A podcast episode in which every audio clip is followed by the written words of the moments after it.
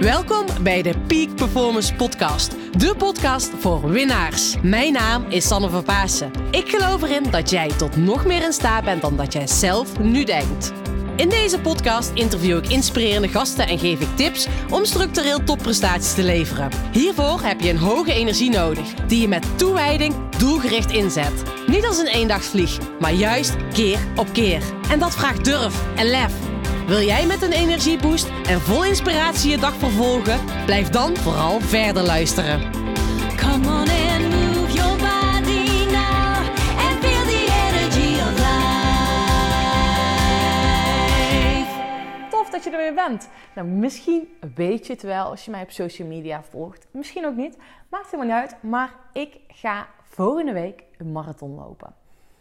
Yep, 42 kilometer rennen. Nou, ik heb eh, vooral een achtergrond in het wielrennen, mountainbiken. Dat is echt mijn ding. Hardlopen vind ik leuk.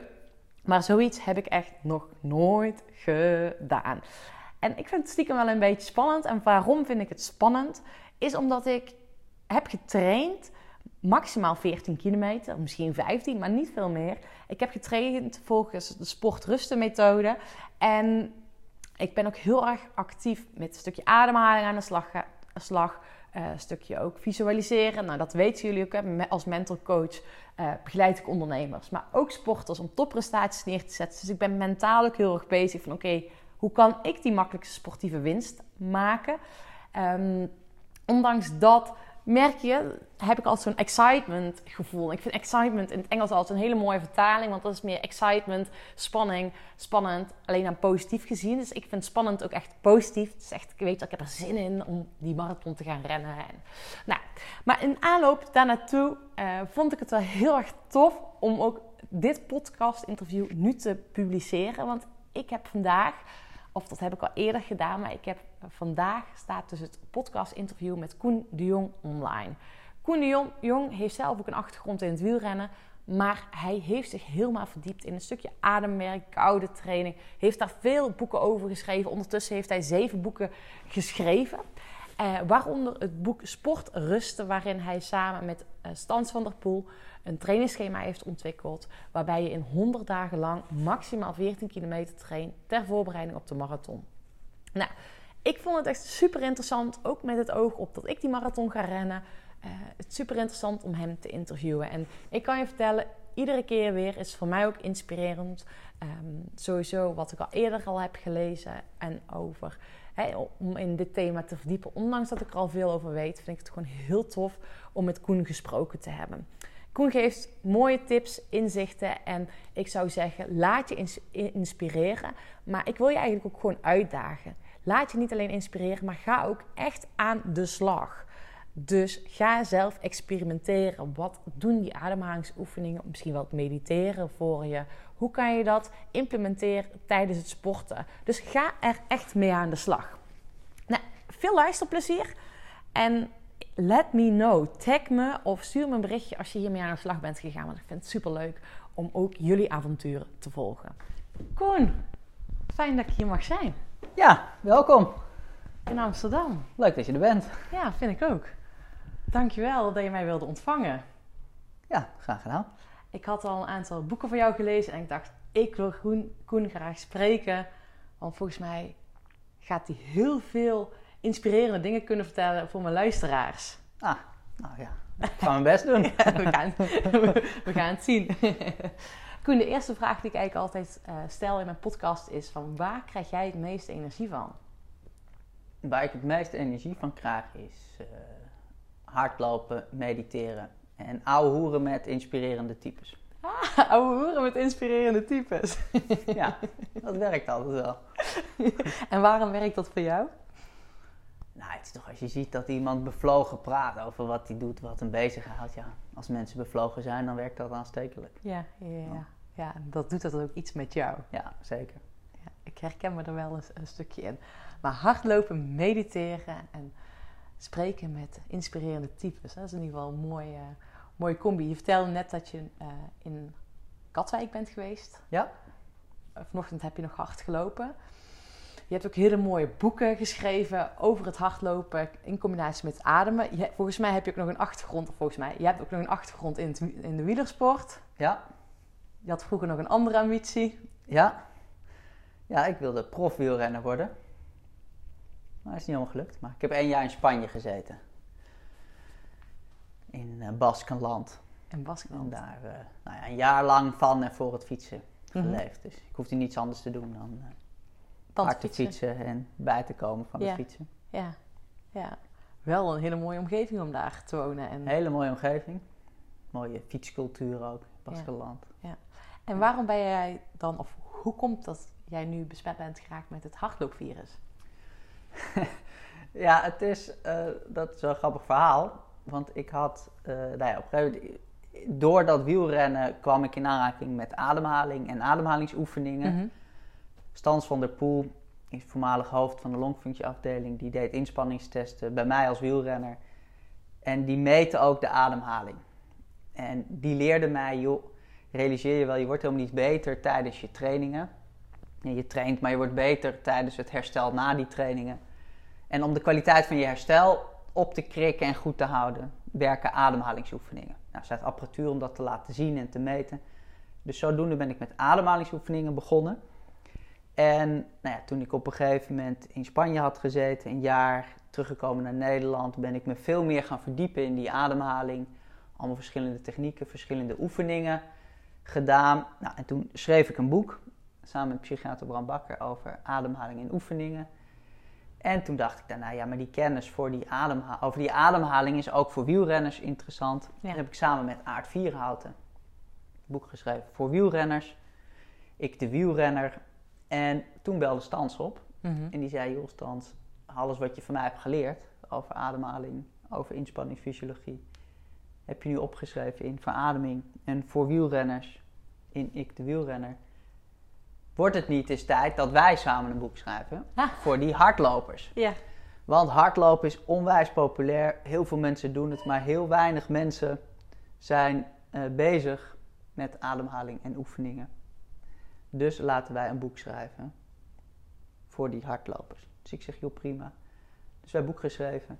En op een gegeven moment zei Stans, joh, we moeten ook mijn schema er nog in zetten voor de marathon. Want ze had een schema waarbij je maximaal 14 kilometer traint Ja. in aanloop naar de marathon. Nou, En zij legde uit gewoon van, joh, waarom dat schema goed werkte. En eh, waarom dat voor heel veel lopers nu interessant is en goed werkt.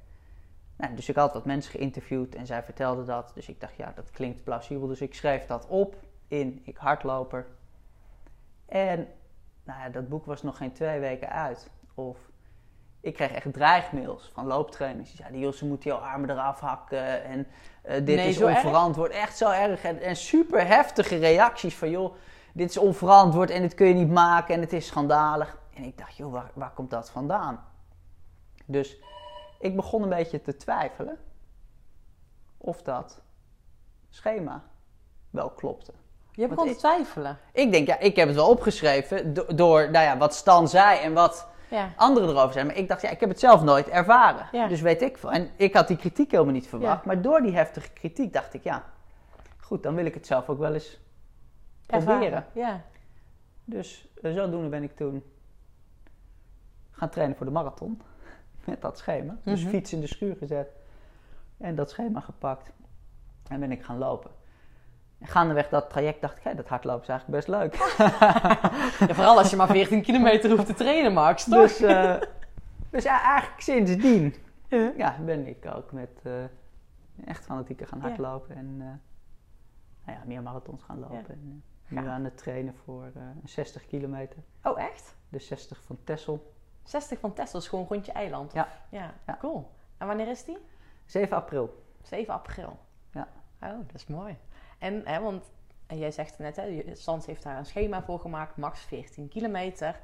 Ehm, ik weet in mijn omgeving, ik ben, ja, ik, ik wil niet zeggen dat ik het schema aan het volgen ben, maar ik loop binnenkort ook een marathon eh, van Vaals naar Maastricht. Ah, die of mooie. Ja, is dat mooi? 17 maart, toch? Ja, 17 Ja, ja. maart. Ja. Die kan jij ook doen nou, ik heb niet gelopen, maar over gelezen. Ja, Dat ik inderdaad Het zag er heel mooi uit. Ja, Ja? ik ga hem dus goed. doen. Maar ik, ja, ik heb geen lange duurlopen gedaan. Ehm, vanochtend, ik weet eigenlijk niet eens hoe lang ik heb vanochtend heb gelopen. Ik heb gewoon gelopen, op gevoel, rustig, duurloopje. Ja. Eh, een uur en 25 minuten ben ik volgens mij weg geweest. Maar ik weet niet hoeveel ik heb gelopen. Ehm, maar ik weet in mijn omgeving dat er ook, hè, ik zit, doe veel triathlons nu tegenwoordig. En veel vinden echt, ze moeten meters maken. Heel veel. Mhm. En ook richting de marathon. Dus ook iemand anders gaat hem lopen. Ruim 30 kilometer lopen. Maar jij zegt dus 14 kilometer lopen. Maar hoe zit, het, hoe zit dat schema? Wat is het geheim van het schema? Ja, het geheim van het schema, het is... Wat je ziet is dat waar die schema's vandaan komen, dat je op een gegeven moment een 30 loopt, een 32 loopt, een 34 loopt, dat is een schema uit de jaren 70, uit de jaren 80. En dat schema dat werkt natuurlijk goed, want ja, honderdduizenden mensen hebben daarmee marathons gelopen. Maar, zegt Stans van de Poel, er is wel iets veranderd de afgelopen 40 jaar met die hardlopers. Want er zijn ongelooflijk veel mensen bijgekomen die een marathon lopen. Maar dat zijn echt hele langzame lopers. En nou, wat noemt zij dan langzaam? Dat is dat je langer dan drie uur doet over een marathon. En Oh. dat is nu natuurlijk echt snel. Maar Ja. als je gaat kijken, inderdaad, naar eh, toen in de jaren 70, in de jaren 80, was drie uur helemaal niet heel snel op de marathon. Als je toen keek naar vier uur, was het gewoon meer dan 80% van de deelnemers was binnen. Als je nu gaat kijken naar vier uur, dan is nog niet de helft binnen. Dus Ja. daar zijn inderdaad tienduizenden lopers bijgekomen die die marathon willen doen. Maar dat zijn langzamere lopers. En wat gebeurt er dan met die lange duurlopen? Die wordt natuurlijk ook veel langer. Ja. Dus wat je ziet, mensen met minder aanleg voor duursport. Ja. Hoogstwaarschijnlijk ook met een minder goed herstel. Die laat je in tijd veel langer trainen. Ja, En dan zeggen, dat is echt niet logisch. nee. Ja, s- klopt. Ja. Dus, zegt zij, dan, toen, ze was, toen zij dat voor de eerste keer zo zei, zeg je, is dan niet de conclusie van, joh, die mensen moeten gewoon geen marathon lopen. Kan toch ook een halve lopen? Zegt zij, dat kan, maar er is iets geks aan de hand. Want wat is het geheim van het schema? Dat je traint weliswaar minder kilometers, maar je traint heel veel eh, kilometers op je marathonhartslag. Mhm. Dus zij leert je aan de voorkant, joh, met mijn aanleg, met mijn omslagpunt in hartslag, Mhm. oké, welke hartslag kan ik een marathon volhouden? Ja. Dus wat je dan gaat doen, is dat je heel veel van je trainingen, ga je echt op die hartslag doen. Ja, met tot gevolg dat de kwaliteit van je training extreem hoog wordt. Omdat je heel veel traint wat je straks gaat doen bij die marathon. Ja. En omdat je niet zoveel kilometers traint, zie je dat de kwaliteit van je herstel overeind blijft en heel goed blijft. Ja, waardoor je dus heel goed voorbereid en heel goed uitgerust aan de start staat. Dus ja, het geheim van dat schema is echt marathonhartslag gecombineerd met de kwaliteit van je herstel. Ja. Heel Oh, goed.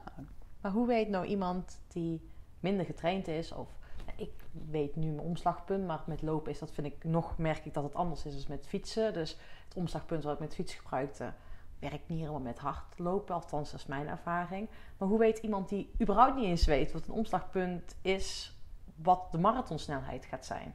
Ja, nee, dus dat is iets wat.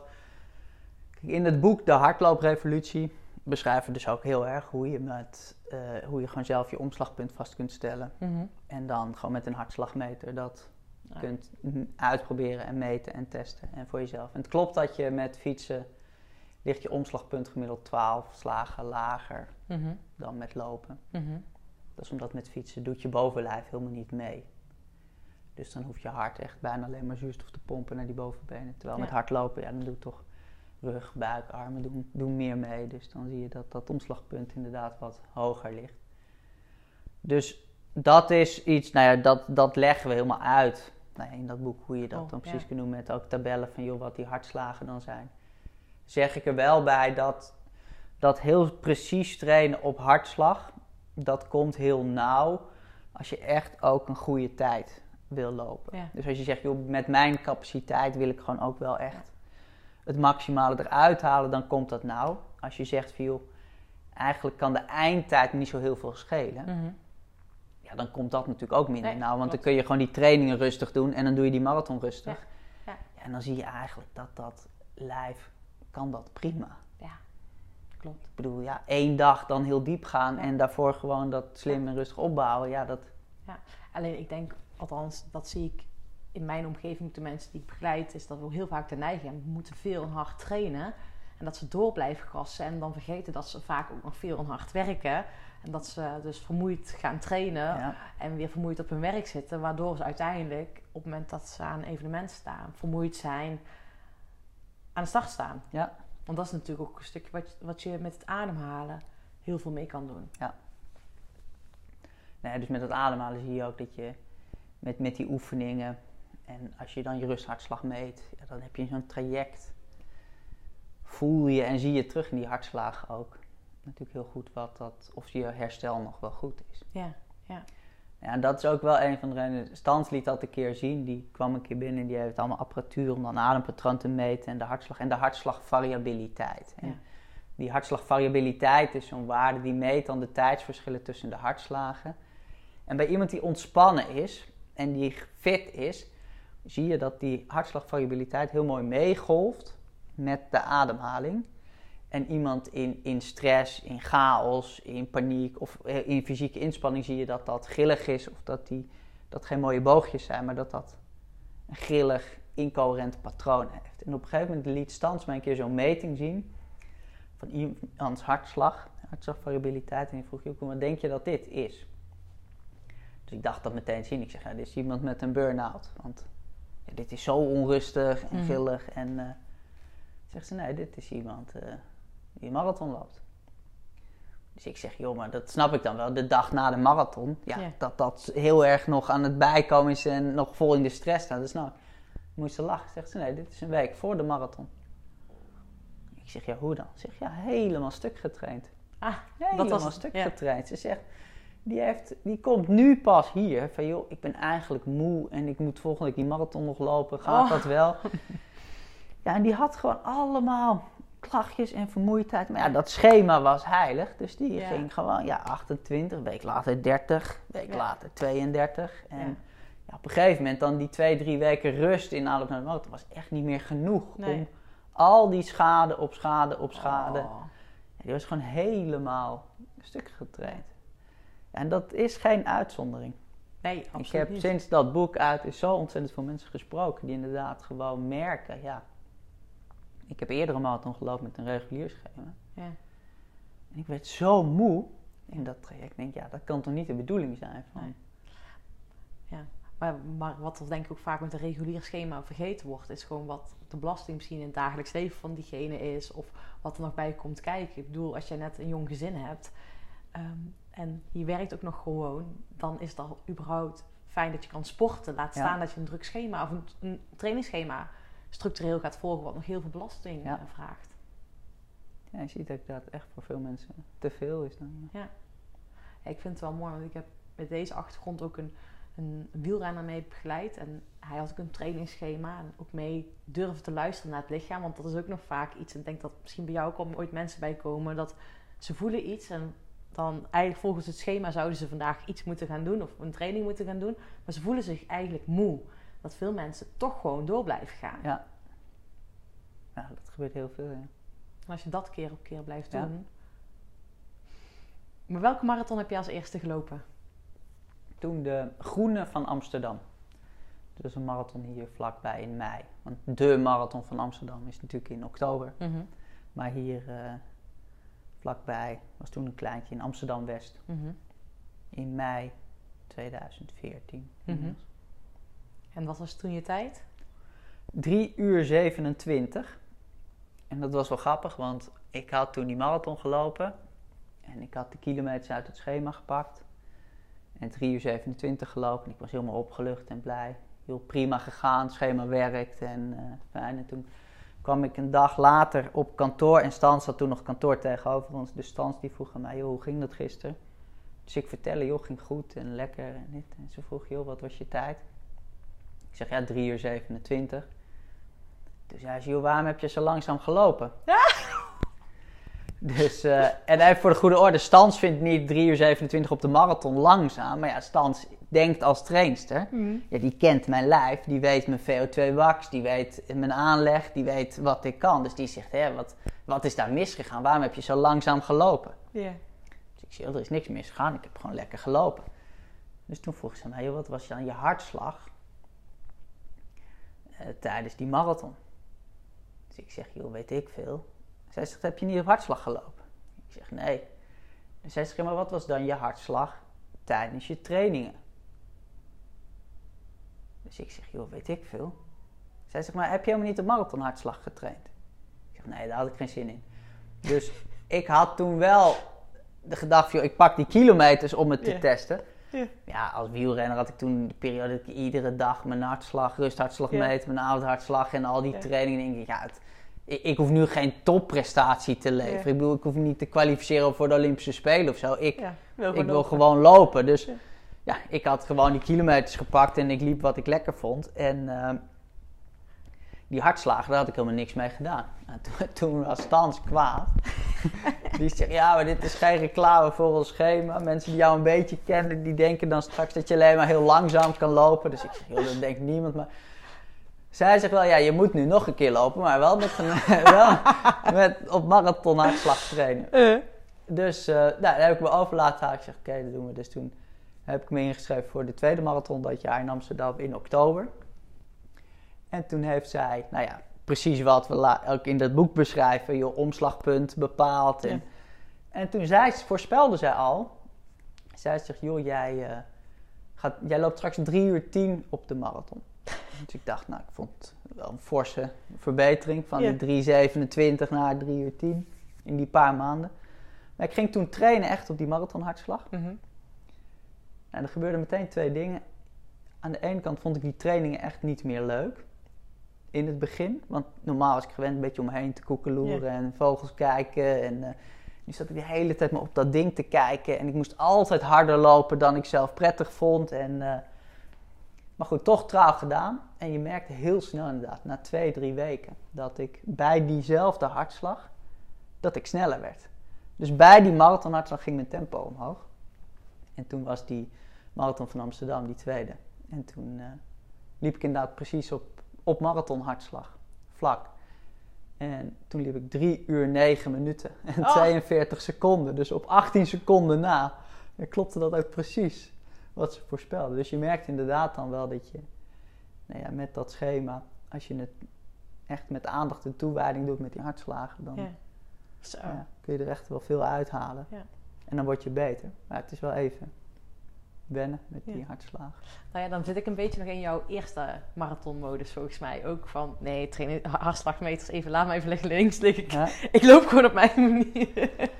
Dat is dus ook prima, hè? Ja. maar het is, ja, het is maar net wat je wil. En dat vind ik wel prettig met schema's en die meters en dingen tegenwoordig. Dat je wel, je kunt zoveel meten, zoveel inzichtelijk Mhm. maken. En als je dat niet interesseert en het gewoon op gevoel doet en dan Ja. voor lief neemt, ja, dat je er een kwartier, twintig minuten langer over doet, dan kan. Ja. Prima. Maar als je van denkt, ja, nee, ik wil nu echt een periode eens kijken wat erin zit. Of nou ja, wat meer variatie of wat meer over mijn lijf leren. Ja, dan kun je met zo'n hartslag met een omslagpunt kun je ongelooflijk veel doen en, eh, en leren. Ja, mooi. En in dat traject hè, is ademen voor jou ook heel erg belangrijk. Of in ieder geval sowieso een heel belangrijk onderdeel geweest in je boeken. Ja, Hoe heb je dat zeg maar na aanloop van die marathon, het ademhalingen of het ademen daarin gefietst?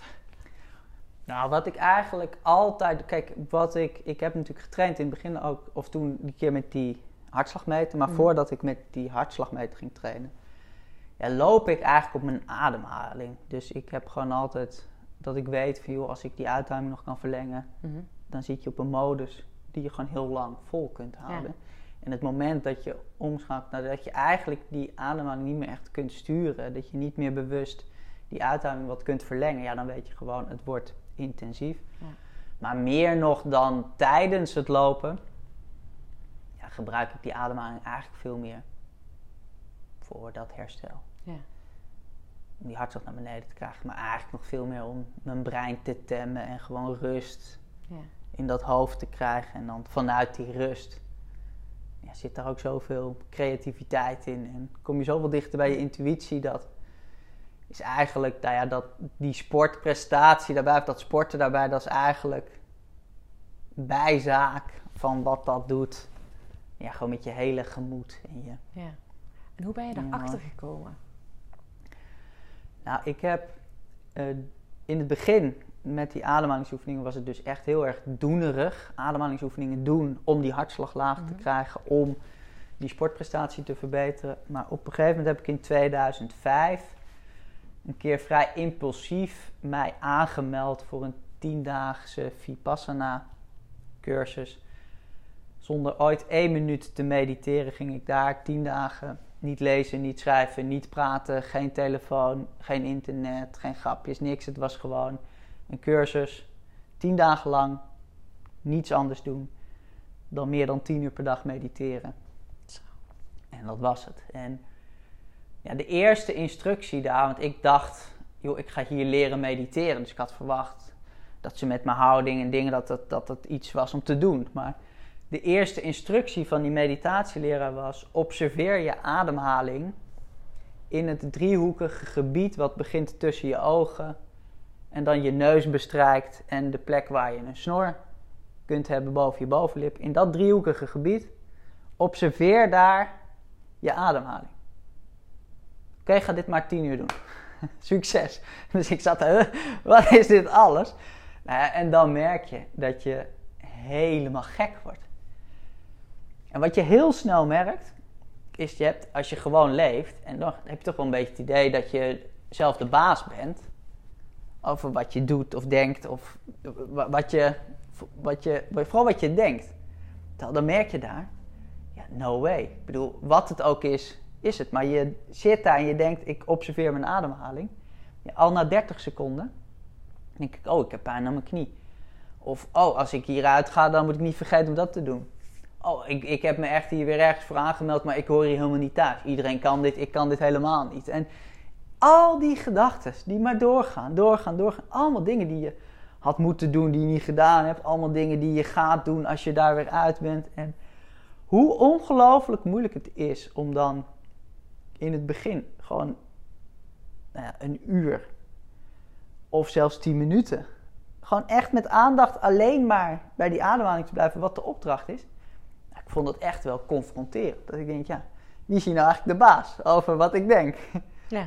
Ik wil op die aanhaling letten, maar in no time gaat het alle kanten door het ding. Dus, nou, en dat is dan wat je daar heel erg merkt, is dat het moment dat het dan lukt om lang met aandacht bij die ademhaling te blijven, dat je denkt, ja, maar dit is niet gewoon saai en onbenullig, nu observeer ik mijn ademhaling, maar dat je echt merkt in dat brein dat je in plaats van bezig bent met alles buiten je, dat je zo erg gaat voelen, hé, hey, wat gebeurt er nou bij mij? Wat gebeurt er op mijn lijf? Wat, wat, wat is dit? En ja, dat je vandaar, iedereen herkent dat wel, dat je als je in een stressvolle periode zit, dat je probleemherkennend vermogen veel groter wordt.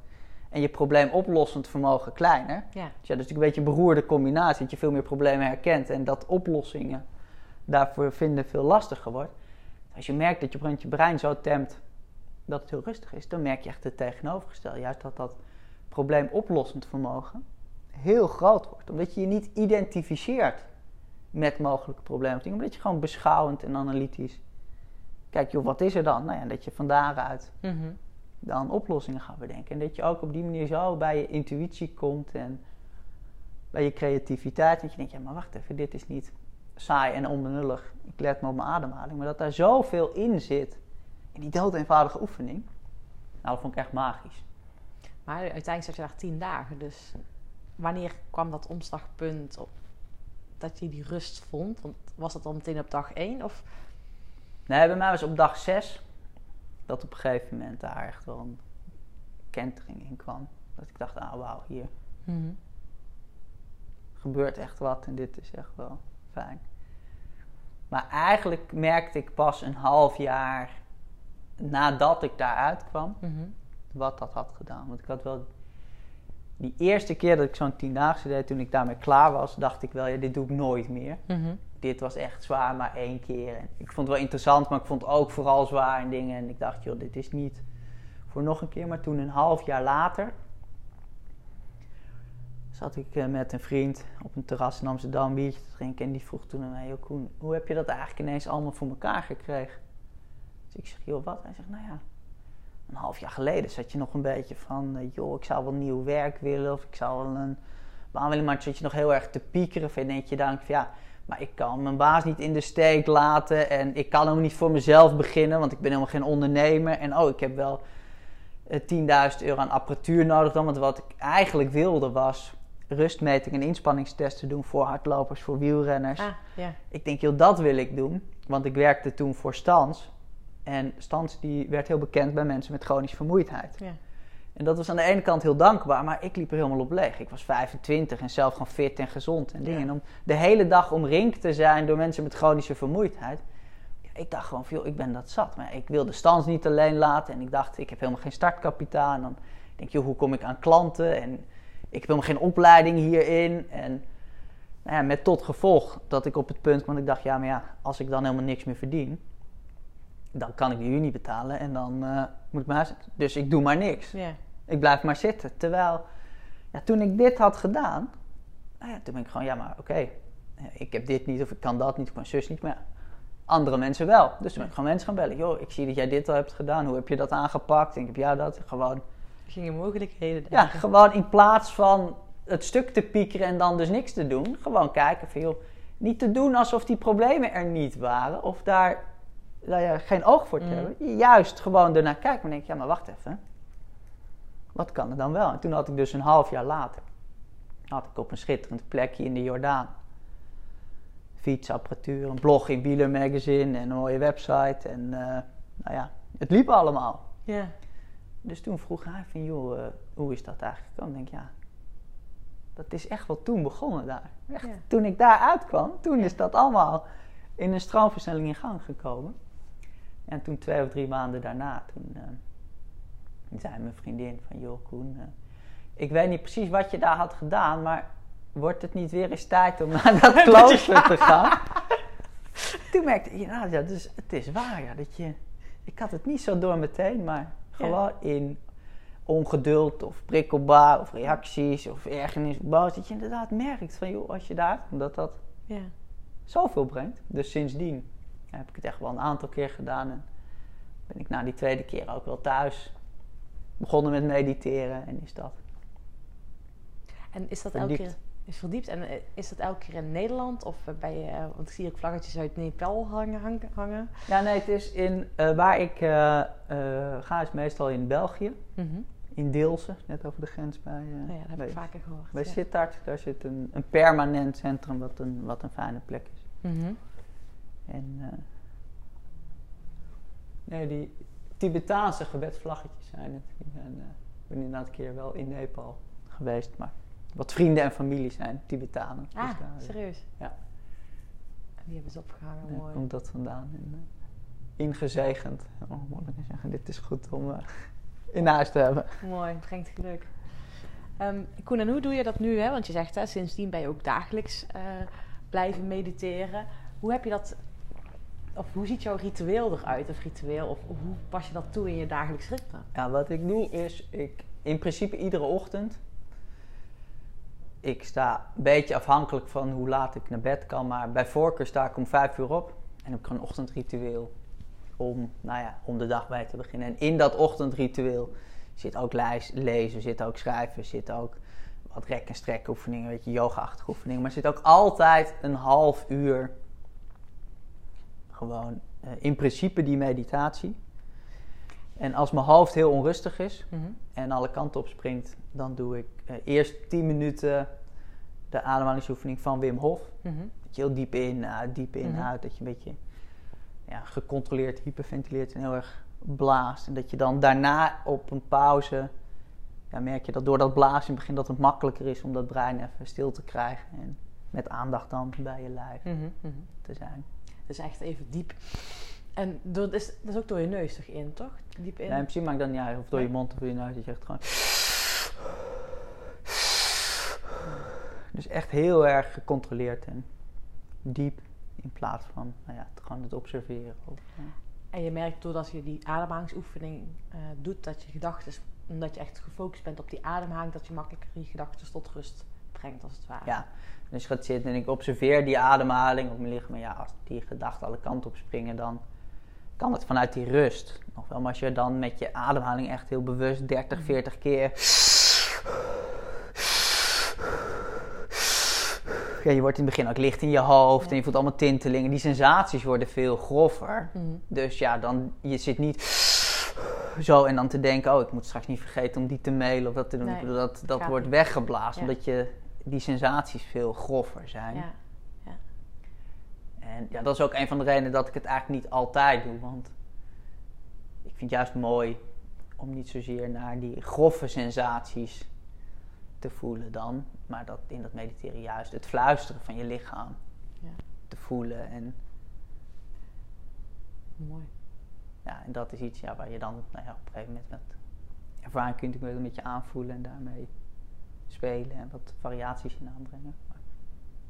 En jij pakt dan elke keer de meditatie waar je bij dus focust op je, op je, ja, op je driehoekgedeelte van je neus. Ja, dus het is dat het daar begint. Het, dat, wordt, dat heet Anapanna meditatie met Ja. aandacht naar je ademhaling. En eh, het is zo dat tijdens die tiendaagse op dag 4 Mm. dan verandert de instructie. Dus je ziet op dag 1 is het dat driehoekig gebied. Ja. Op dag 2 nieuwe instructie. Dacht ik eerst, oh mooi, we gaan iets nieuws doen, leuk. Maar toen was het observeer je ademhaling in het gebied waar je snor zit. Dus werd alleen het gebied ietsje kleiner. Je, ja, de concentratie moet omhoog, dus het gebied moet wat verkleinen. En op dag 3 is het dan observeer je ademhaling ter grootte van de top van je duim bij je neus, die luchtstroom. Alleen nog maar dat klein werd het oppervlakte weer wat verkleind om die concentratie te vergroten. En dan op dag 4 is de instructie dat je met aandacht van je hoofd naar je voeten gewoon al je lichaamsdelen observeert. En de opdracht is dan blijf gelijkmoedig en observeer wat er is. En hoe dat heet, dat, wordt, nou, dat is bekend geworden als de body scan. Met mindfulness is het natuurlijk Ja. daar groot geworden. En dat die John Kabat-Zinn, die dat mindfulness heeft geïntroduceerd en groot gemaakt, die heeft diezelfde meditatietechniek ook gedaan. Dus het is, dat is bij eigenlijk hetzelfde met een nou, ja, nieuw jasje om het bij andere mensen onder de aandacht te brengen. Ja, en dat is wat ik, als ik zelf hier ga zitten, een beetje afwissel. Dus soms observeer ik dan die ademhaling op een klein gebied. En soms ga ik in gedachten even voelen in mijn lijf. En Ja, mooi. En wat merk, je, merk jij dat dat jou brengt als je zo die dag begint? Nou, het is een beetje ongrijpbaar om dat te verwoorden. Maar het brengt echt ongelooflijk veel. Je hebt in plaats van het.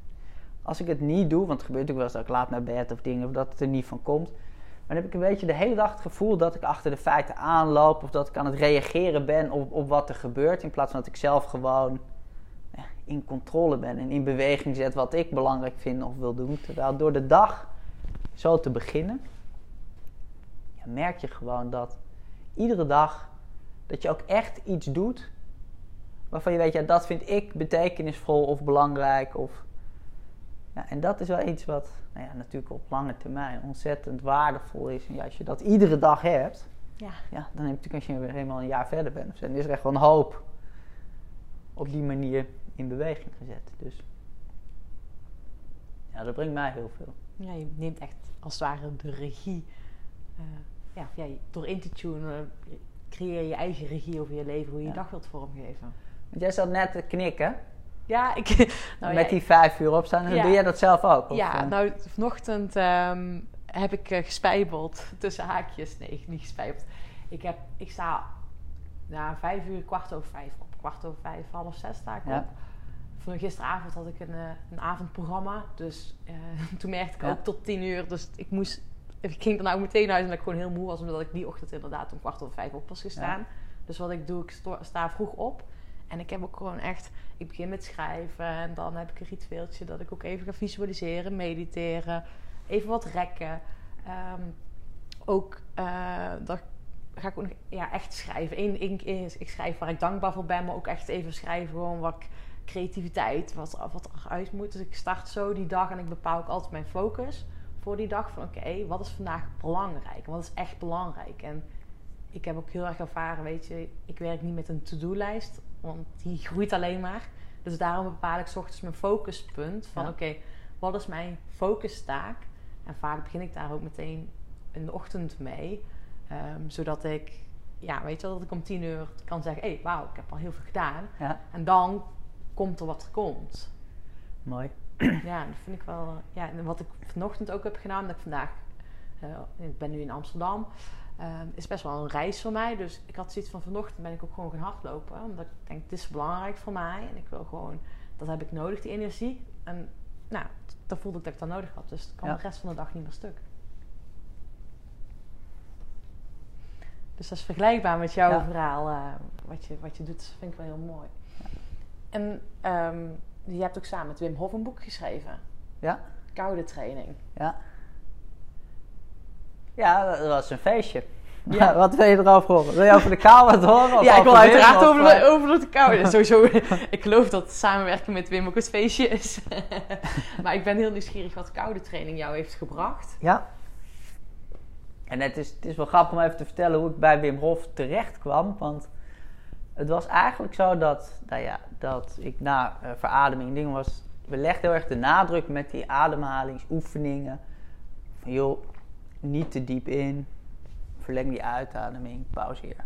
En het belang van langer uitademen en pauzeren is groot. En die inademing is niet zo belangrijk, niet te diep.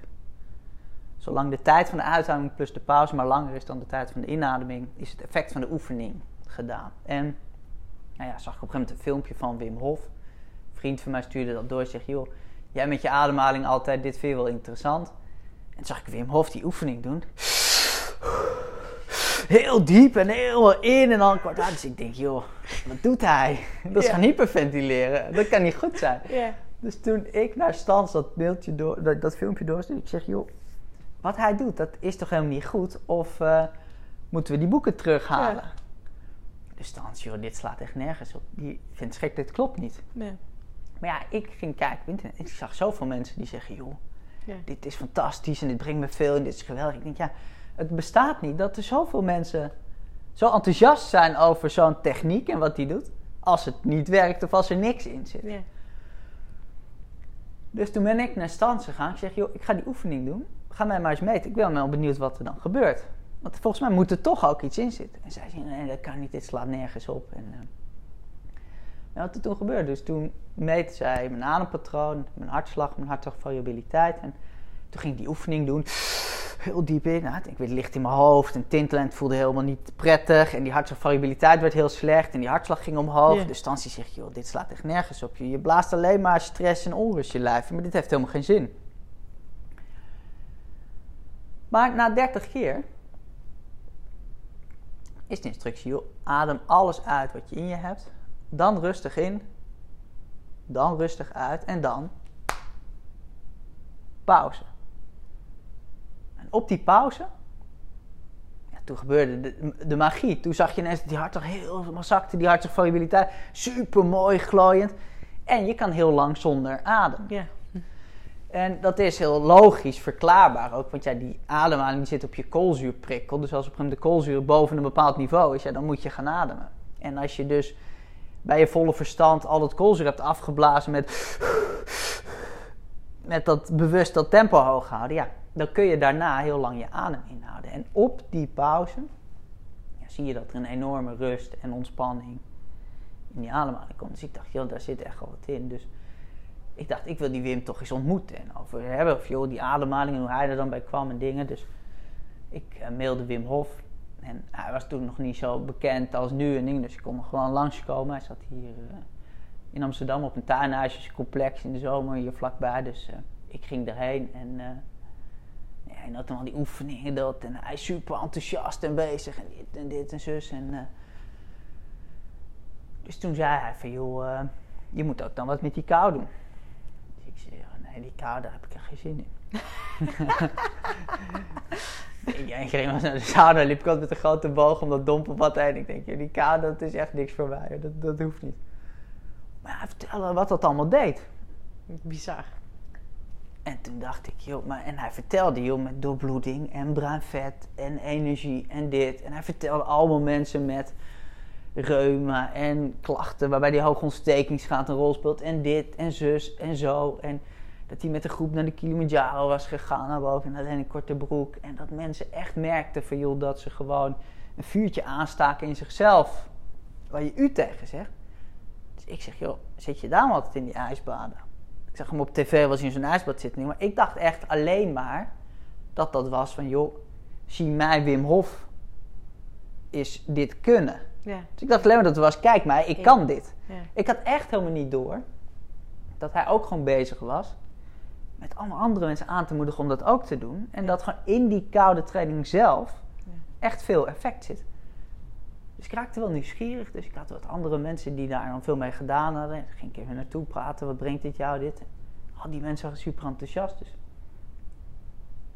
ik zeg tegen Wim, ik zeg, joh Wim, maar ik lees er nu wat over en dit. Ik zeg, is hier niet een boek over? Ik ben wel eens, is, er, is er een boek over het effect van koude training in combinatie met die ademhalingstechnieken van jou en dingen? Dus Wim zegt, nee, er is geen boek over. Dus ik zeg, er moet daar niet een boek van komen dan? Ja, Wim, ja, er moet een boek van komen. Ja, goed idee, dit en de. En toen heb ik nog een tijdje gezocht naar iemand die dat boek dan kon schrijven. Want ik dacht nog steeds, ja, die kou, ik hoef het niet. Maar het is wel interessant. Ja, iedereen die ik het vroeg of die ermee bezig was, zei, ja, maar ik heb geen tijd, maar ik kan hem niet schrijven. Of eh, daar allemaal wel een reden. Dan dacht ik toch, ja, maar ik werd zelf wel steeds nieuwsgieriger naar wat het dan was. Mhm. Dus toen ben ik voor het eerst eh, bij Wim in zo'n ijsbad gaan zitten. Met als doel te kijken, als dit mij wat brengt, dan is het echt wel interessant om dat op te schrijven. En ik weet nog goed, dat ik de eerste keer dat ik in dat ijsbad stapte, was met een groep van twintig. En er waren er twee mensen voor mij, die stappen dat ijsbad in en die ademen rustig uit en die gaan zitten en heel relaxed. Dus ik denk, oh ja, dat is heel makkelijk.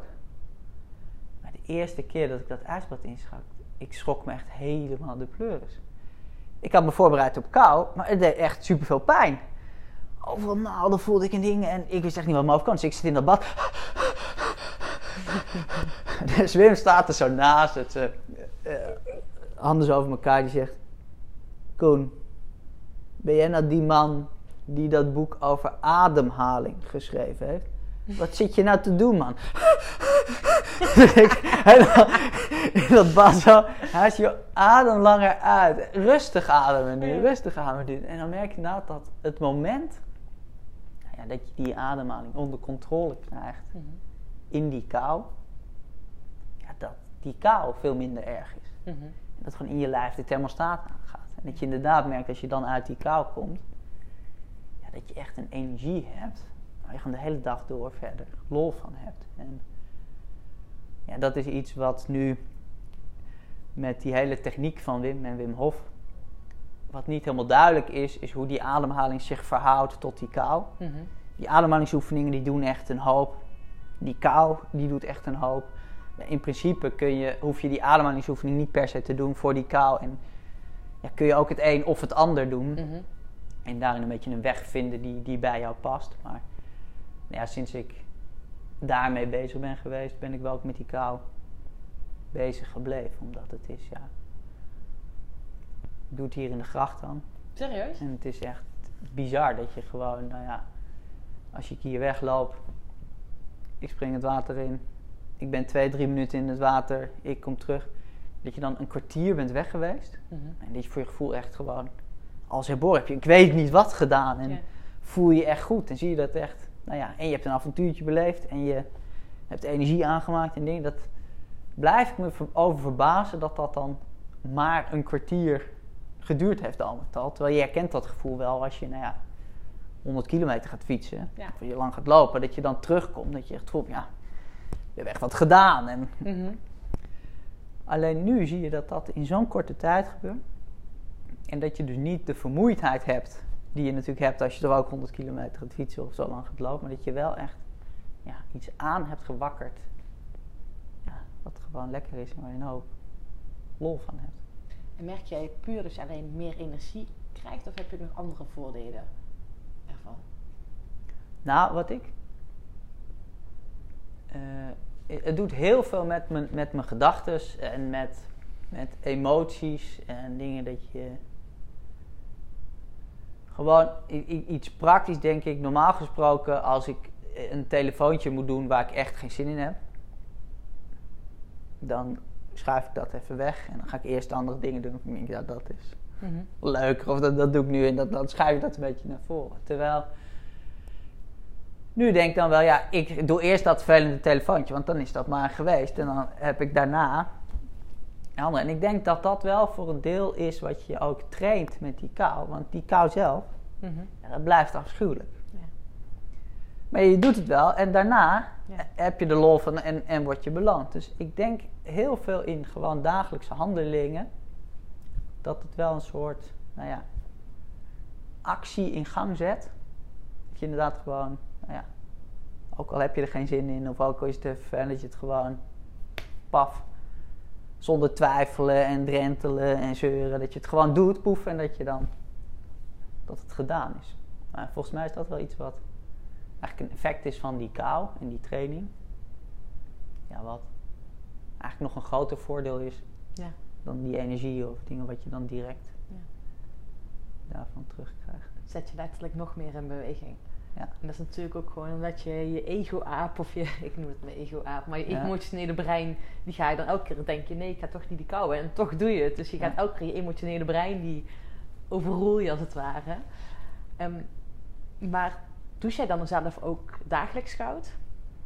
Nee. Ik neem me wel voor, maar dat lukt me nooit. Om dat echt te doen. Dat is die ego-aap.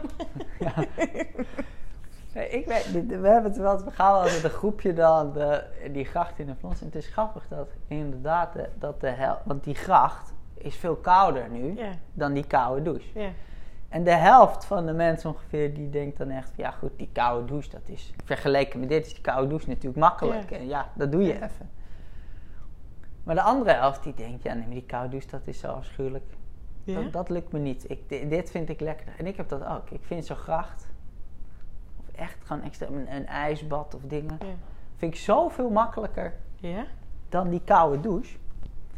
Dat je denkt, ja, in je uppie, in die douche. En dan, of dat alleen maar mentaal of dat het ook stroomt of dingen. Ja. Maar ik kan me er toch niet Nee. toe zetten om dat altijd te doen. Ik ben, eh, ik douche 's ochtends koud. Niet als ik overdag, op een of andere manier lukt het mij overdag niet. Dus als ik bijvoorbeeld na een fietstocht overdag, dan douche ik warm. Maar 's ochtends daar stap ik altijd die koude douche in, ook omdat ik de energieboost voel. Ehm, en ik merk voor mezelf dat ik, ik ben altijd koukleum geweest. Ik weet niet hoe het bij jou was vroeger, eh, misschien als, Ja. als wielrenner, maar ik was als wielrenner echt, ik kon niet tegen kou. Dat ik echt zelf flauw ben gevallen, weet je wel, van had ik in de kou getraind en als opspattend water of Ja. door de bos weet dat ik echt dan dat ik gewoon zo niet tegen die kou kon. En nu fiets ik gewoon een paar weken geleden op zondag voor het was wel een mooi zonnetje gewoon zonder handschoenen fietsen Ja. drie uur lang iedereen met handschoenen fietsen en ze naar mij kijken jij fietst, fiets je nog steeds zonder handschoenen en dan, dan moet ik wel zeggen dat ik heel bewust met mijn aandacht naar mijn handen toe ga van Ja. oké, jullie mogen warm blijven. Het zonnetje schijnt op jullie. Dat je dan wel merkt dat je Ja. zoveel kan, zeg maar. Je eigen vuurtje op kan stoken. Nee, dat is wel heel herkenbaar. Dat sowieso dat je het minder koud hebt. Omdat de thermostaat in je lijf gewoon nou ja, anders staat afgesteld. Dat je dat makkelijker de boel opwarmt. Dat is heel herkenbaar, ja. ja. Koen, ik ben trouwens nog wel nieuwsgierig. Want je hebt ondertussen veel boeken geschreven. Vind jij zelf, want toen ben ik, was ik sowieso, ik was hierheen naartoe aan het rijden. En toen dacht ik, ik ga een schrijver interviewen. Toen dacht ik, ja, waar vindt Koen zichzelf schrijven? Wat vindt, hoe, hoe, hoe noemt Koen zichzelf? Ja, dat is een goede vraag. Nou, langzaamaan denk ik wel, ja, ik heb nu zeven boeken geschreven. Die boeken hebben echt veel gelezen, veel doorgegeven. Als ik denk, ja, misschien ben ik ook wel schrijver. Ja. Maar eigenlijk voelt dat toch niet echt zo nog. Nee, Nee, ja, want daarom- het is veel meer dat je nou zo redeneert vanuit dat onderwerp. Dat je denkt, ja, maar dit is interessante kost. En mensen weten, ja, hoe noem je dat dan? Ja. Ja. Ik weet het eigenlijk niet zo goed. Je, je bent gewoon Koen. ik ben gewoon Koen. Ik Koen die toffe dingen doet en die dingen te delen heeft met de wereld. Ja. maar ik was dus inderdaad, kijk, ik zo al zeven boeken geschreven. En nu heb je dus ook een boek, hè, het laatste boek waar heb je geschreven over waar je het net over hebt gehad. Hè, tien dagen stilte over je eigen reis. Ja. Ehm, staat er nu ook nog een eh, nieuwe boek, nieuw boek of nieuw project op de planning? Ja, wat, waar echt wel behoefte aan is, is... Want nou ja, in die, al die boeken komt ademhaling terug. Veel verschillende technieken, veel verschillende oefeningen, veel verschillende achtergronden. Wat, waar behoefte aan is, is een soort eh, actieboek bij ademhaling. Dus daar zijn we nu mee bezig, ook met de vormgever. Dus dat is niet heel veel tekst, maar dat is echt een boek dat je op een gegeven moment... dat je wordt aangemoedigd om dan 30 dagen lang iedere dag ademhalingsoefeningen te doen, notities te maken. En dan wel dat je gewoon verschillende oefeningen, instructies krijgt. En dat je uitleg krijgt, joh, deze oefening doe dat, deze oefening doe dat, deze oefening doe dat. En dat je dan echt aan het eind van die 30 dagen niet allemaal theoretische kennis hebt geleerd over ademhaling. Maar dat je echt 30 dagen aan de gang bent gegaan. En dat je dan na die 30 dagen een eigen ritueel hebt Ja. van 10, 20, 30 minuten. In die ademhaling die je iedere dag doet met gewoon die twee of drie oefeningen Cool. die bij jou passen en die jij Ja. prettig vindt. Want het is niet zo dat ja, wat ik net beschrijf, wat ik doe met dat ochtendritueel, ja, dat jij dat ook moet doen of dat iemand anders dat ook moet doen. En er zijn ook weer geen duizenden ademhalingsoefeningen. Dus uit een paar van die oefeningen, als je het je eigen maakt en als je je bewust bent van, joh, wat doet deze oefening? Wat brengt deze oefening mij? Ja, dan kun je van daaruit Ja. echt makkelijk een ritueel maken. Ja, waar je echt zo ontzettend veel lol van hebt. Dus daar zijn we nu mee bezig. En dan ook met, eh, eh, niet alleen met tekst, maar met mooie infographics. Cool. En Ja. daarbij dat je heel visueel hebt van, joh, Mhm. wat gebeurt er dan? Want ja, ik, ik leg wel uit van, joh, wat gebeurt er dan met eh, koolzuur, met zuurstof, met pH-waarden. En als je het vertelt, dan klinkt het heel logisch. Maar dan merk je toch dat als iemand het wil reproduceren of iemand het door wil Mhm. vertellen of nog even voor zichzelf teruggaan, dat je denkt, hè, Ja. hoe zat het ook alweer? En wat heeft het ook weer met elkaar te maken? En joh, waarom is dat eigenlijk zo belangrijk? Of, Ja. ja, en zo heb je op verschillende dingen met nou ja, cortisol, met vet, met suiker, met dat brein. Nou ja, een paar dingen kun je wel echt zo mooi nou ja, visueel maken van joh, wat het je brengt. En dan kun je ook in één oogopslag zien van ah wacht, maar dit is voor mij belangrijk. Dus dan moet ik die oefening Ja. eruit pakken. Of joh, dit interesseert me niet, maar dat Ja. Voor mij belangrijk. Dus dan Ja, of op deze situatie, op het moment dat ik meer gestrest ben, past misschien deze Ja. oefening meer bij mij. Net wat jij zegt, dat je eh, de Wim Hof methode als het ware gebruikt op het moment dat je meer onrust in je hoofd hebt. Zodat je even eer- ja, een andere manier hebt om die focus te herpakken. Ja. Want eh, jij zegt ook nu over pH-waardes, je zuurstof, CO2, eh, kooldioxide in je bloed. Wat is eigenlijk hè, van de oefeningen die je beschrijft, het doel zeg maar dat je meer zuurstof in je bloed uiteindelijk gaat opnemen? Nou, dus bij die oefening waarbij je de nadruk ligt op het verlengen van die uitademing en die pauze ten opzichte van de inademing, is gewoon veel meer koolzuur juist in je bloed. Want iedereen die weet nog wel met biologie van vroeger van joh, ademt zuurstof in, je ademt koolzuur uit. Dat suggereert een beetje dat koolzuur afval is Ja. en je lijf uit moet. En te veel koolzuur is niet goed, dus dat adem je ook gewoon uit. Maar op het moment dat je zittend stresst en continu aanstaat en sneller of dieper ademt dan nodig, is wat er dan gebeurt, is dan blaas je te veel koolzuur af. En koolzuur is niet alleen afval dat je lijf uit moet, nee, er moet een goede verhouding zuurstof-koolzuur in dat bloed zitten. En die verhouding is 3 staat tot 2. Dus 3 zuurstof, 2 koolzuur. Dus er moet echt wel gewoon Ja. een hoeveelheid koolzuur in dat bloed zitten. Want koolzuur is wel een belangrijke schakel om het zuurstof uit je bloed naar je organen te krijgen, Mhm. naar je cellen te krijgen, dat lijf door te brengen. Dus het klinkt een beetje tegenstrijdig, maar op het moment dat je dan sneller en dieper ademt dan nodig, dan krijgt je lijf dus veel minder bruikbare zuurstof. Weet je, die zuurstof is er wel, maar er is het gebrek aan koolzuur om het te transporteren en naar die organen te krijgen. Nou, en dat is dus van die oefening primaire doel, is om meer koolzuur vast te houden. Ja, dat doe je dus door langer uitademen. Ja. ja. Mooi. En wat ik me dan nog afvroeg, hè, want ik ben vroeger altijd op hoogtestage gegaan. En met hoogtestage is eigenlijk het doel dat je meer rode bloedcellen aanmaakt, waardoor het zuurstoftransport omhoog gaat. En ik vroeg me af, gewoon of ik met ademhalingsoefeningen datzelfde effect kan genereren. Ja, dat is wel wat eh, Patrick McKeown en Marion Meesters Mhm, in eh, zuurstofwinst. mhm. zij, reden, zij zijn heel erg gericht met dat boek op, op sporters. Mhm. En dus wat zij letterlijk een hoofdstuk aan gewijd hebben is van joh, je hoeft geen hoogtestage meer te doen. Je hoeft geen EPO meer te nemen.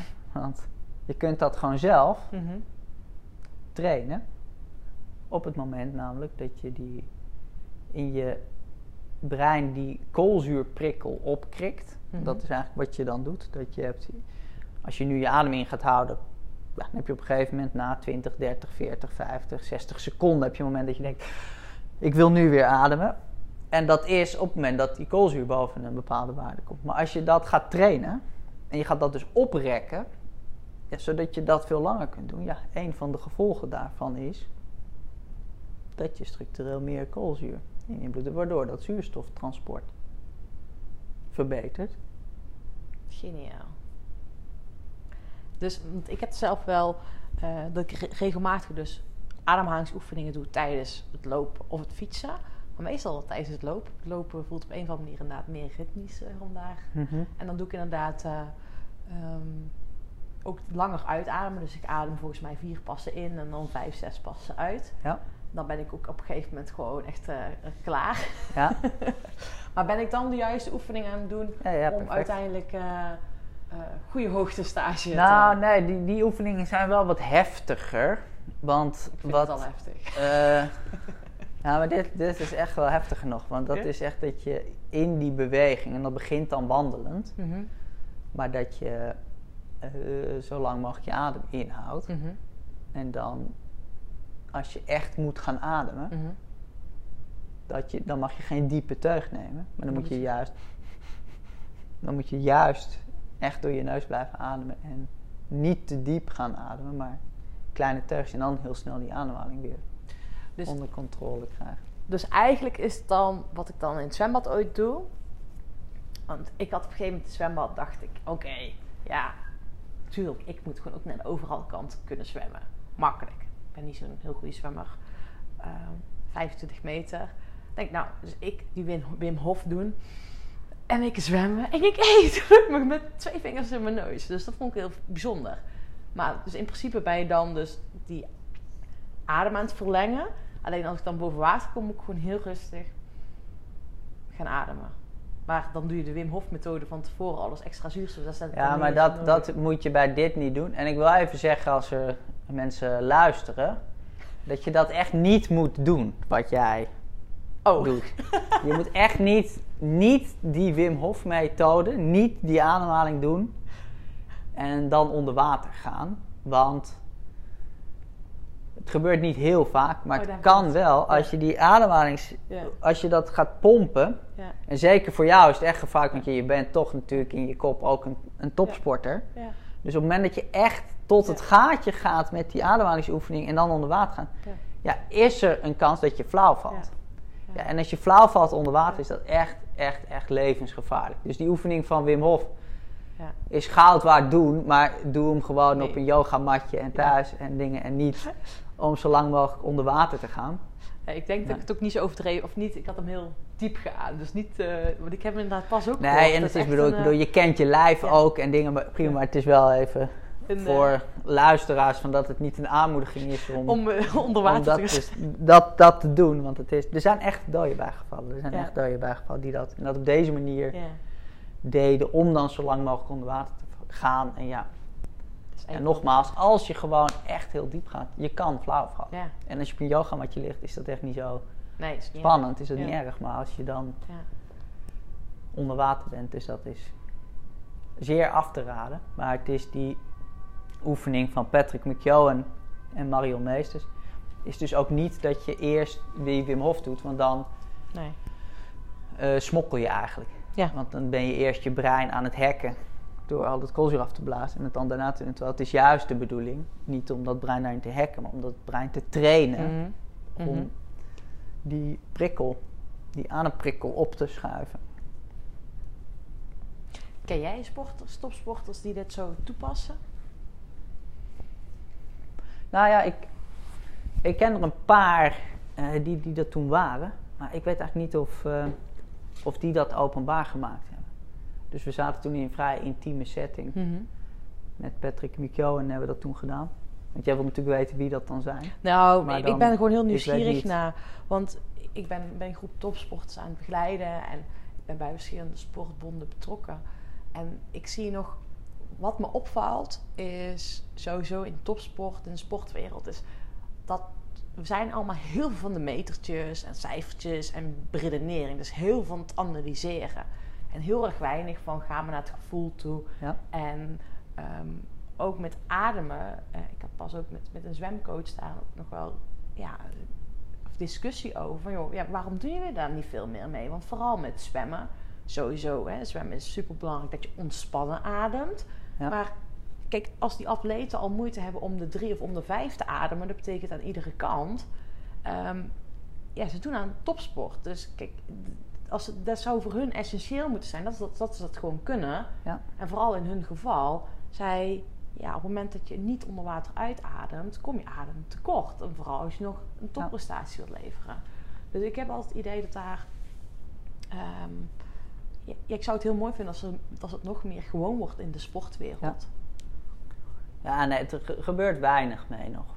Ik heb zelf wel voor de KNWU toen van alles gedaan toen Aart Vierhout de bondscoach was van die junioren en de Oh, ja. belofte en wat.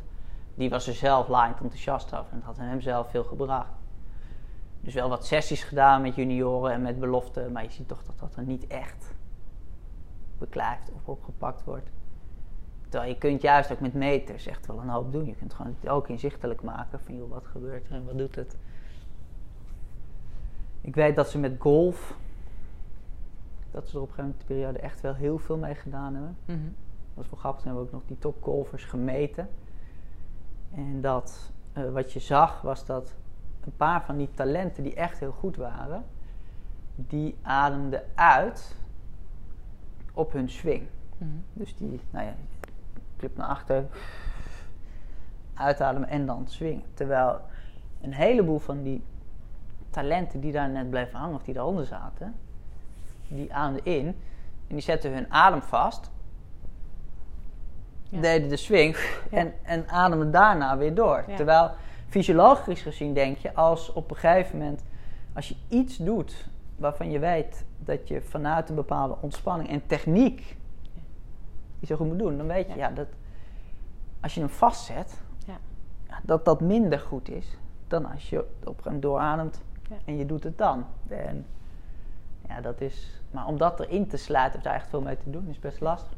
Ik heb, ik heb echt wel vaak voor groepen gestaan met ademhaling, oefeningen en dingen. En er is altijd een moment dat je gewoon merkt van hé, hey, iedereen is luistert, iedereen vindt het ook interessante kost en iedereen doet mee met die oefening en altijd. En ik heb eigenlijk maar één keer een groep gehad waarbij ik gewoon echt een uur, anderhalf uur bezig ben geweest en dat niemand meedeed en dat iedereen echt alleen op zijn telefoon bleef kijken terwijl het eigenlijk niet mocht en een beetje onderuit gezakt hing en dacht joh, dat ik echt gewoon niemand meekreeg. En dat was toen bij eh, de selectie van Herenveen. Oh, bij die voetballers. oh ja? Ja. Dat vond ik echt frappant toen. Ja, dat je dan merkt van, joh, dat daar niemand... Daar wel interesse in had. Ja. Terwijl toch, ja, Van Basten was toen trainer. Van Basten was super geïnteresseerd. En die eh, Ja. ging met al die oefeningen zelf aan de gang. Dus die dacht, joh... Die dacht toen... dat was wel grappig. was bezig met Van Basten met die 16. Toen zei hij op een gegeven moment van... eh, joh, ik kan nog wel een moment herinneren in 1992... dat ik een strafschop miste. Had ik dit moeten weten, denk ik. Dat was Ja. toen die halve finale op dat EK tegen Denemarken. Dat hij inderdaad in die penalties die die strafschop mist. Dat hij inderdaad heel erg doorredeneerde al meteen. Ja. Ja, wacht even. Ik was toen alleen maar bezig met... Deze moet erin, want Ja. dan zijn we in de finale. Ja, ja in je gedachten. Terwijl ja, als het op zo'n moment lukt, je moet natuurlijk niet gaan denken aan, oh, er kijken 10 miljoen mensen en oh, als dit lukt, dan dat het gevolg. Nee, je moet natuurlijk alleen maar bezig zijn, gewoon met die bal in de hoek rammen. Ja. Ja, en als je het dan lukt om met, met die ademhaling, oh ja, vanuit die ontspanning, ongeacht het- de belangen of wat er is, Ja. ja, dan vanuit die ontspanning die aanloop te nemen en gewoon die bal te rammen.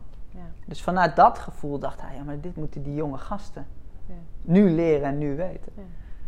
Maar dat eh, sloeg toch niet echt aan. Nou, Maar ja, dat, dat weet je vaak, zie je ook met, tenminste zo, herken ik het bij mezelf ook op die leeftijd van, soms moet het ook even landen voordat je er ook echt iets mee gaat doen. Ja. Ehm, en wat jij ook zegt, eh, ik had pas een, ik was bij een sportgala en dan was daar iemand aan het jongleren, een echte show aan het jongleren. Echt super mooi, echt een geweldige show. Die jongen heb ik nu ook in, geïnterviewd voor mijn podcast. Een jongen die is 16 en die is gewoon Nederlands kampioen eh, kegels gooien. ja. En ik stond helemaal te genieten van die show. En ik zag ook aan hem, zag ik al, ja, wanneer het fout ging. Hij maakte niet zoveel fouten. Maar uiteindelijk ging hij, weet dat met negen ballen of negen kegels de lucht Ja. in. Weet je wel, en dan zag je gewoon aan hem dat hij het op een gegeven moment spannend vond. Dat hij wist dat hij iets lastigs ging doen. En dan hield Ja. hij zo zijn adem in. Ja. Dus dat zie je gewoon zijn mimiek strak zetten. En toen, Ja. dat, ja, ook eh, met het stukje doorademen. Ja. En gisteren was ik toevallig zelf eh, even mijn core-oefeningen aan het doen in de sportschool. En er waren eh, volgens mij de waterpolers waren daar aan het trainen.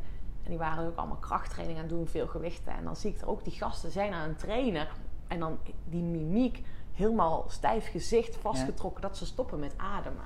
Dat is zo zonde dat ze, dat ze die ademhaling eh, dan vasthouden. Want ik denk dat dat voor de lu- luisteraars, als we ze nu een tip mee kunnen geven, dat ze dat in ieder geval doorademen in de beweging. ja, zeker. Ja. En dat is ook wel iets wat je echt eenvoudig en krachtig traint met die extreme kou. Dat is waar, ja. Want dan krijg je aan de ene kant zo'n tegenstrijdig signaal van je lijf die denkt, wat is dit?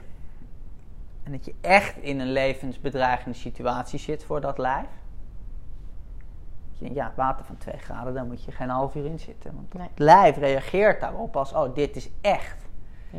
levensbedreigende stress. Ja, en als je dat dan hebt, ja, en je ademt dan rustig door, ja, dan wordt dat, als je een gewicht optilt, of als je een strafschop neemt, of als je voor de start staat van een belangrijke koers en je wil even nog spanning zitten, wordt het op die momenten veel makkelijker als je het jezelf hebt bekwaamd met in die levensbedreigende situatie eigenlijk van die extreme kou.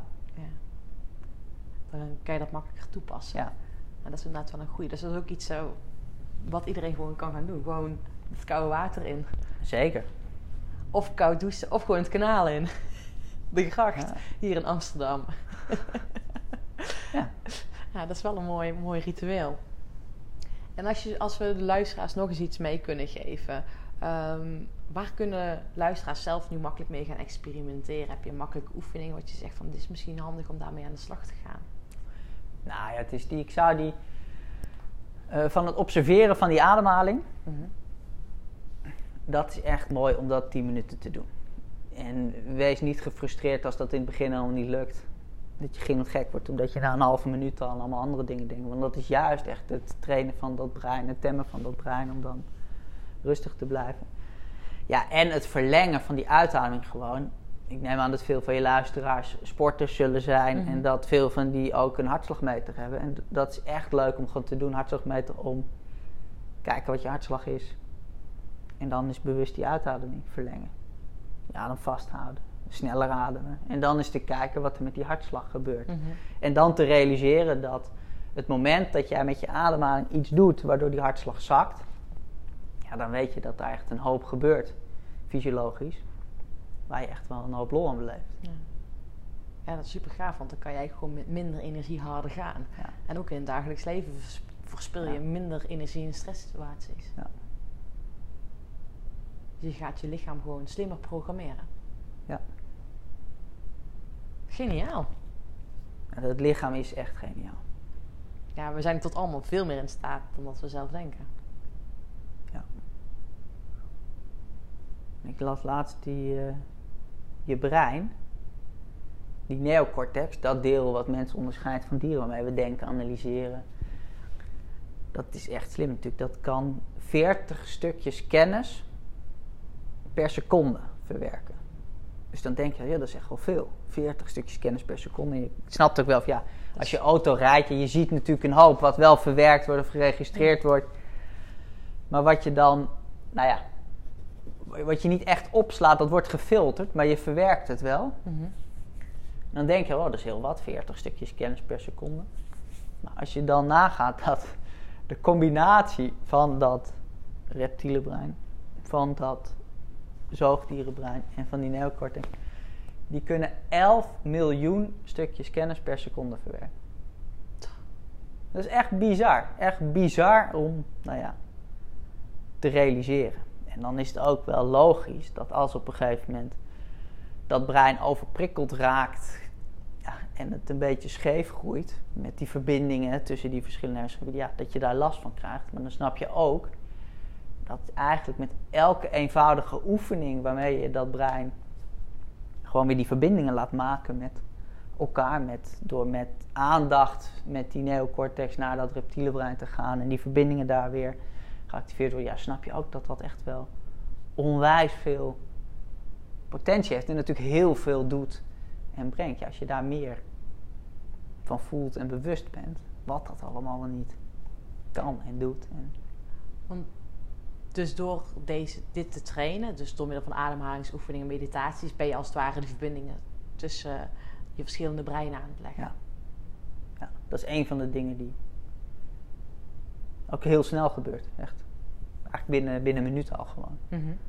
Of je nou ervaring hebt met meditatie of niet, of je nou gewoon het gevoel hebt dat je alleen maar gefrustreerd aan andere dingen zit te denken of niet. Maar ja, Mhm. het is toch. In die minuut denk je dan toch wel een keer aan die ademhaling. En we zijn zo geneigd en gewend om de hele dag te reageren op wat er buiten ons is, Ja. op externe prikkels. Ja.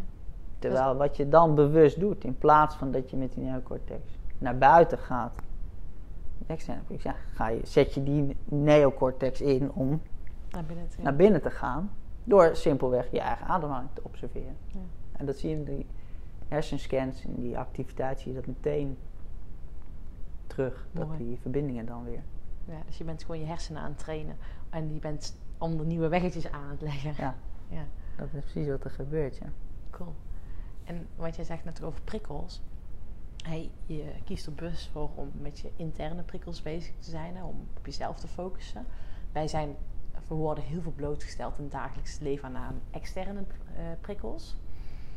Doe je daar zelf ook iets bewust mee? Van oké, hoe kan ik eh, ervoor zorgen dat ik minimaal geprikkeld word door externe prikkels? Nou ja, het is wel met eh, ja, mobiele telefoongebruik, met e-mail, met social media, met dingen dat dat wel bewust, nou ja, periodes blok, dat ik daar uitzet, dat ik er niet op kijk, dat ik Mhm. er niks mee doe. En zeker met de computer is het wel zo dat ik echt, ja, natuurlijk ga ik de mist in en zit ik soms ineens een uur eh, filmpjes te kijken en te kloot violen. Terwijl ik dacht, oh wacht even, ik was eigenlijk aan het werk. Ja. Maar het gebeurt me niet vaak dat dat, dat lang is. Natuurlijk best dat je mails aan het beantwoorden bent en dat iemand een link in zo'n mail zet van joh, is dit wat? En dat je erop klikt en dat je doorklikt en dat je ineens Ja. Toch ergens anders bent. Maar dat is wel een van de dingen die met dat mediteren zeker wat dat voor gevolgen heeft. Dus ja, dat als je in staat bent om met aandacht bij je ademhaling te blijven, dan lukt het ook als je dan een paar uur later je laptop overklapt en je gaat je mails beantwoorden, dat je met aandacht je mails beantwoordt. In plaats van dat je reageert Ja. op een icoontje van Facebook of een icoontje van dit of een icoontje van dat. Nee, je bent gewoon dan met aandacht die mails aan het beantwoorden. Ja, en dat bespaart natuurlijk wel ook een hoop tijd en, en Ja. gedachten en dingen. Maar Ja, je bent gewoon veel effectiever. Ja. Dat is gewoon eh, een feit. Ehm, ik ben nu zelf, heb ik op mijn telefoon standaard mijn 4G uitstaan. ah, Omdat je dan gewoon merkt van hoe vaak op mijn telefoon dat je er gewoon onbewust op reageert. En dan doet het niet meteen. Denk ik, oh ja, weet je, laat maar. Dat was ook niet de bedoeling. ja. ja. Ik merk wel dat ik af en toe afgeleid word. Ja, je bent af en toe gewoon afgeleid. Ja. Dat is ook gewoon een verslaving. Koen, we zijn ondertussen al ruim een uur aan het kletsen. Ah, En ehm, wat ik heel graag wil doen, ik wil je eigenlijk een paar zinnen voorleggen. En Die mag je brand los. brandlos, die mag je afmaken. Mijn grootste droom is. Ah, Een enorm sportrustig clubhuis met enorme ijsbaden aan de rand van een groot bos. Oh, cool. En dan loopgroepen dat we gewoon met honderden duizenden lopers eerst lopen, dan terug in het clubhuis. Bij een open haard, oude hoeren, koffie drinken en dan zaal ernaast met, waar we ademhalingssessies kunnen doen. En een groot, heel groot, permanent ijsbad Oh, cool. waar we in kunnen met z'n allen. En wanneer komt die? Eind dit jaar? Nou, misschien volgend jaar. Nee, die komt zeker. Maar Klinkt meer als een doel wat binnenkort gerealiseerd gaat worden. ja, dat is toch een droom. Was het toch echt, nou ja, dit kwam als eerste op. Dus ja, dat is mooi. eh, Maar jij hebt hem heel mooi helder. Goed man. Ik geloof in Poeh. Het menselijk lichaam. een menselijk lichaam. Ja, dat is duidelijk. Hè? Daar hebben we het net over gehad. Ik ben dankbaar voor. Poeh, zoveel.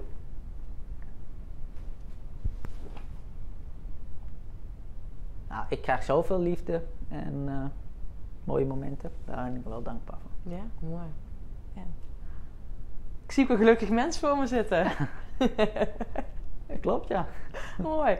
Koen, dankjewel. Ik weet niet of ik dingen ben vergeten te vragen. Of heb jij zoiets van... Sanne, dit is nog interessant om met de luisteraars te delen. Nou, nee, ik denk als... eh, met die boek 14 kilometer schema is voor mensen leuk. Die kou is interessant. Dat Ja. mediteren, die ademhalingsoefeningen.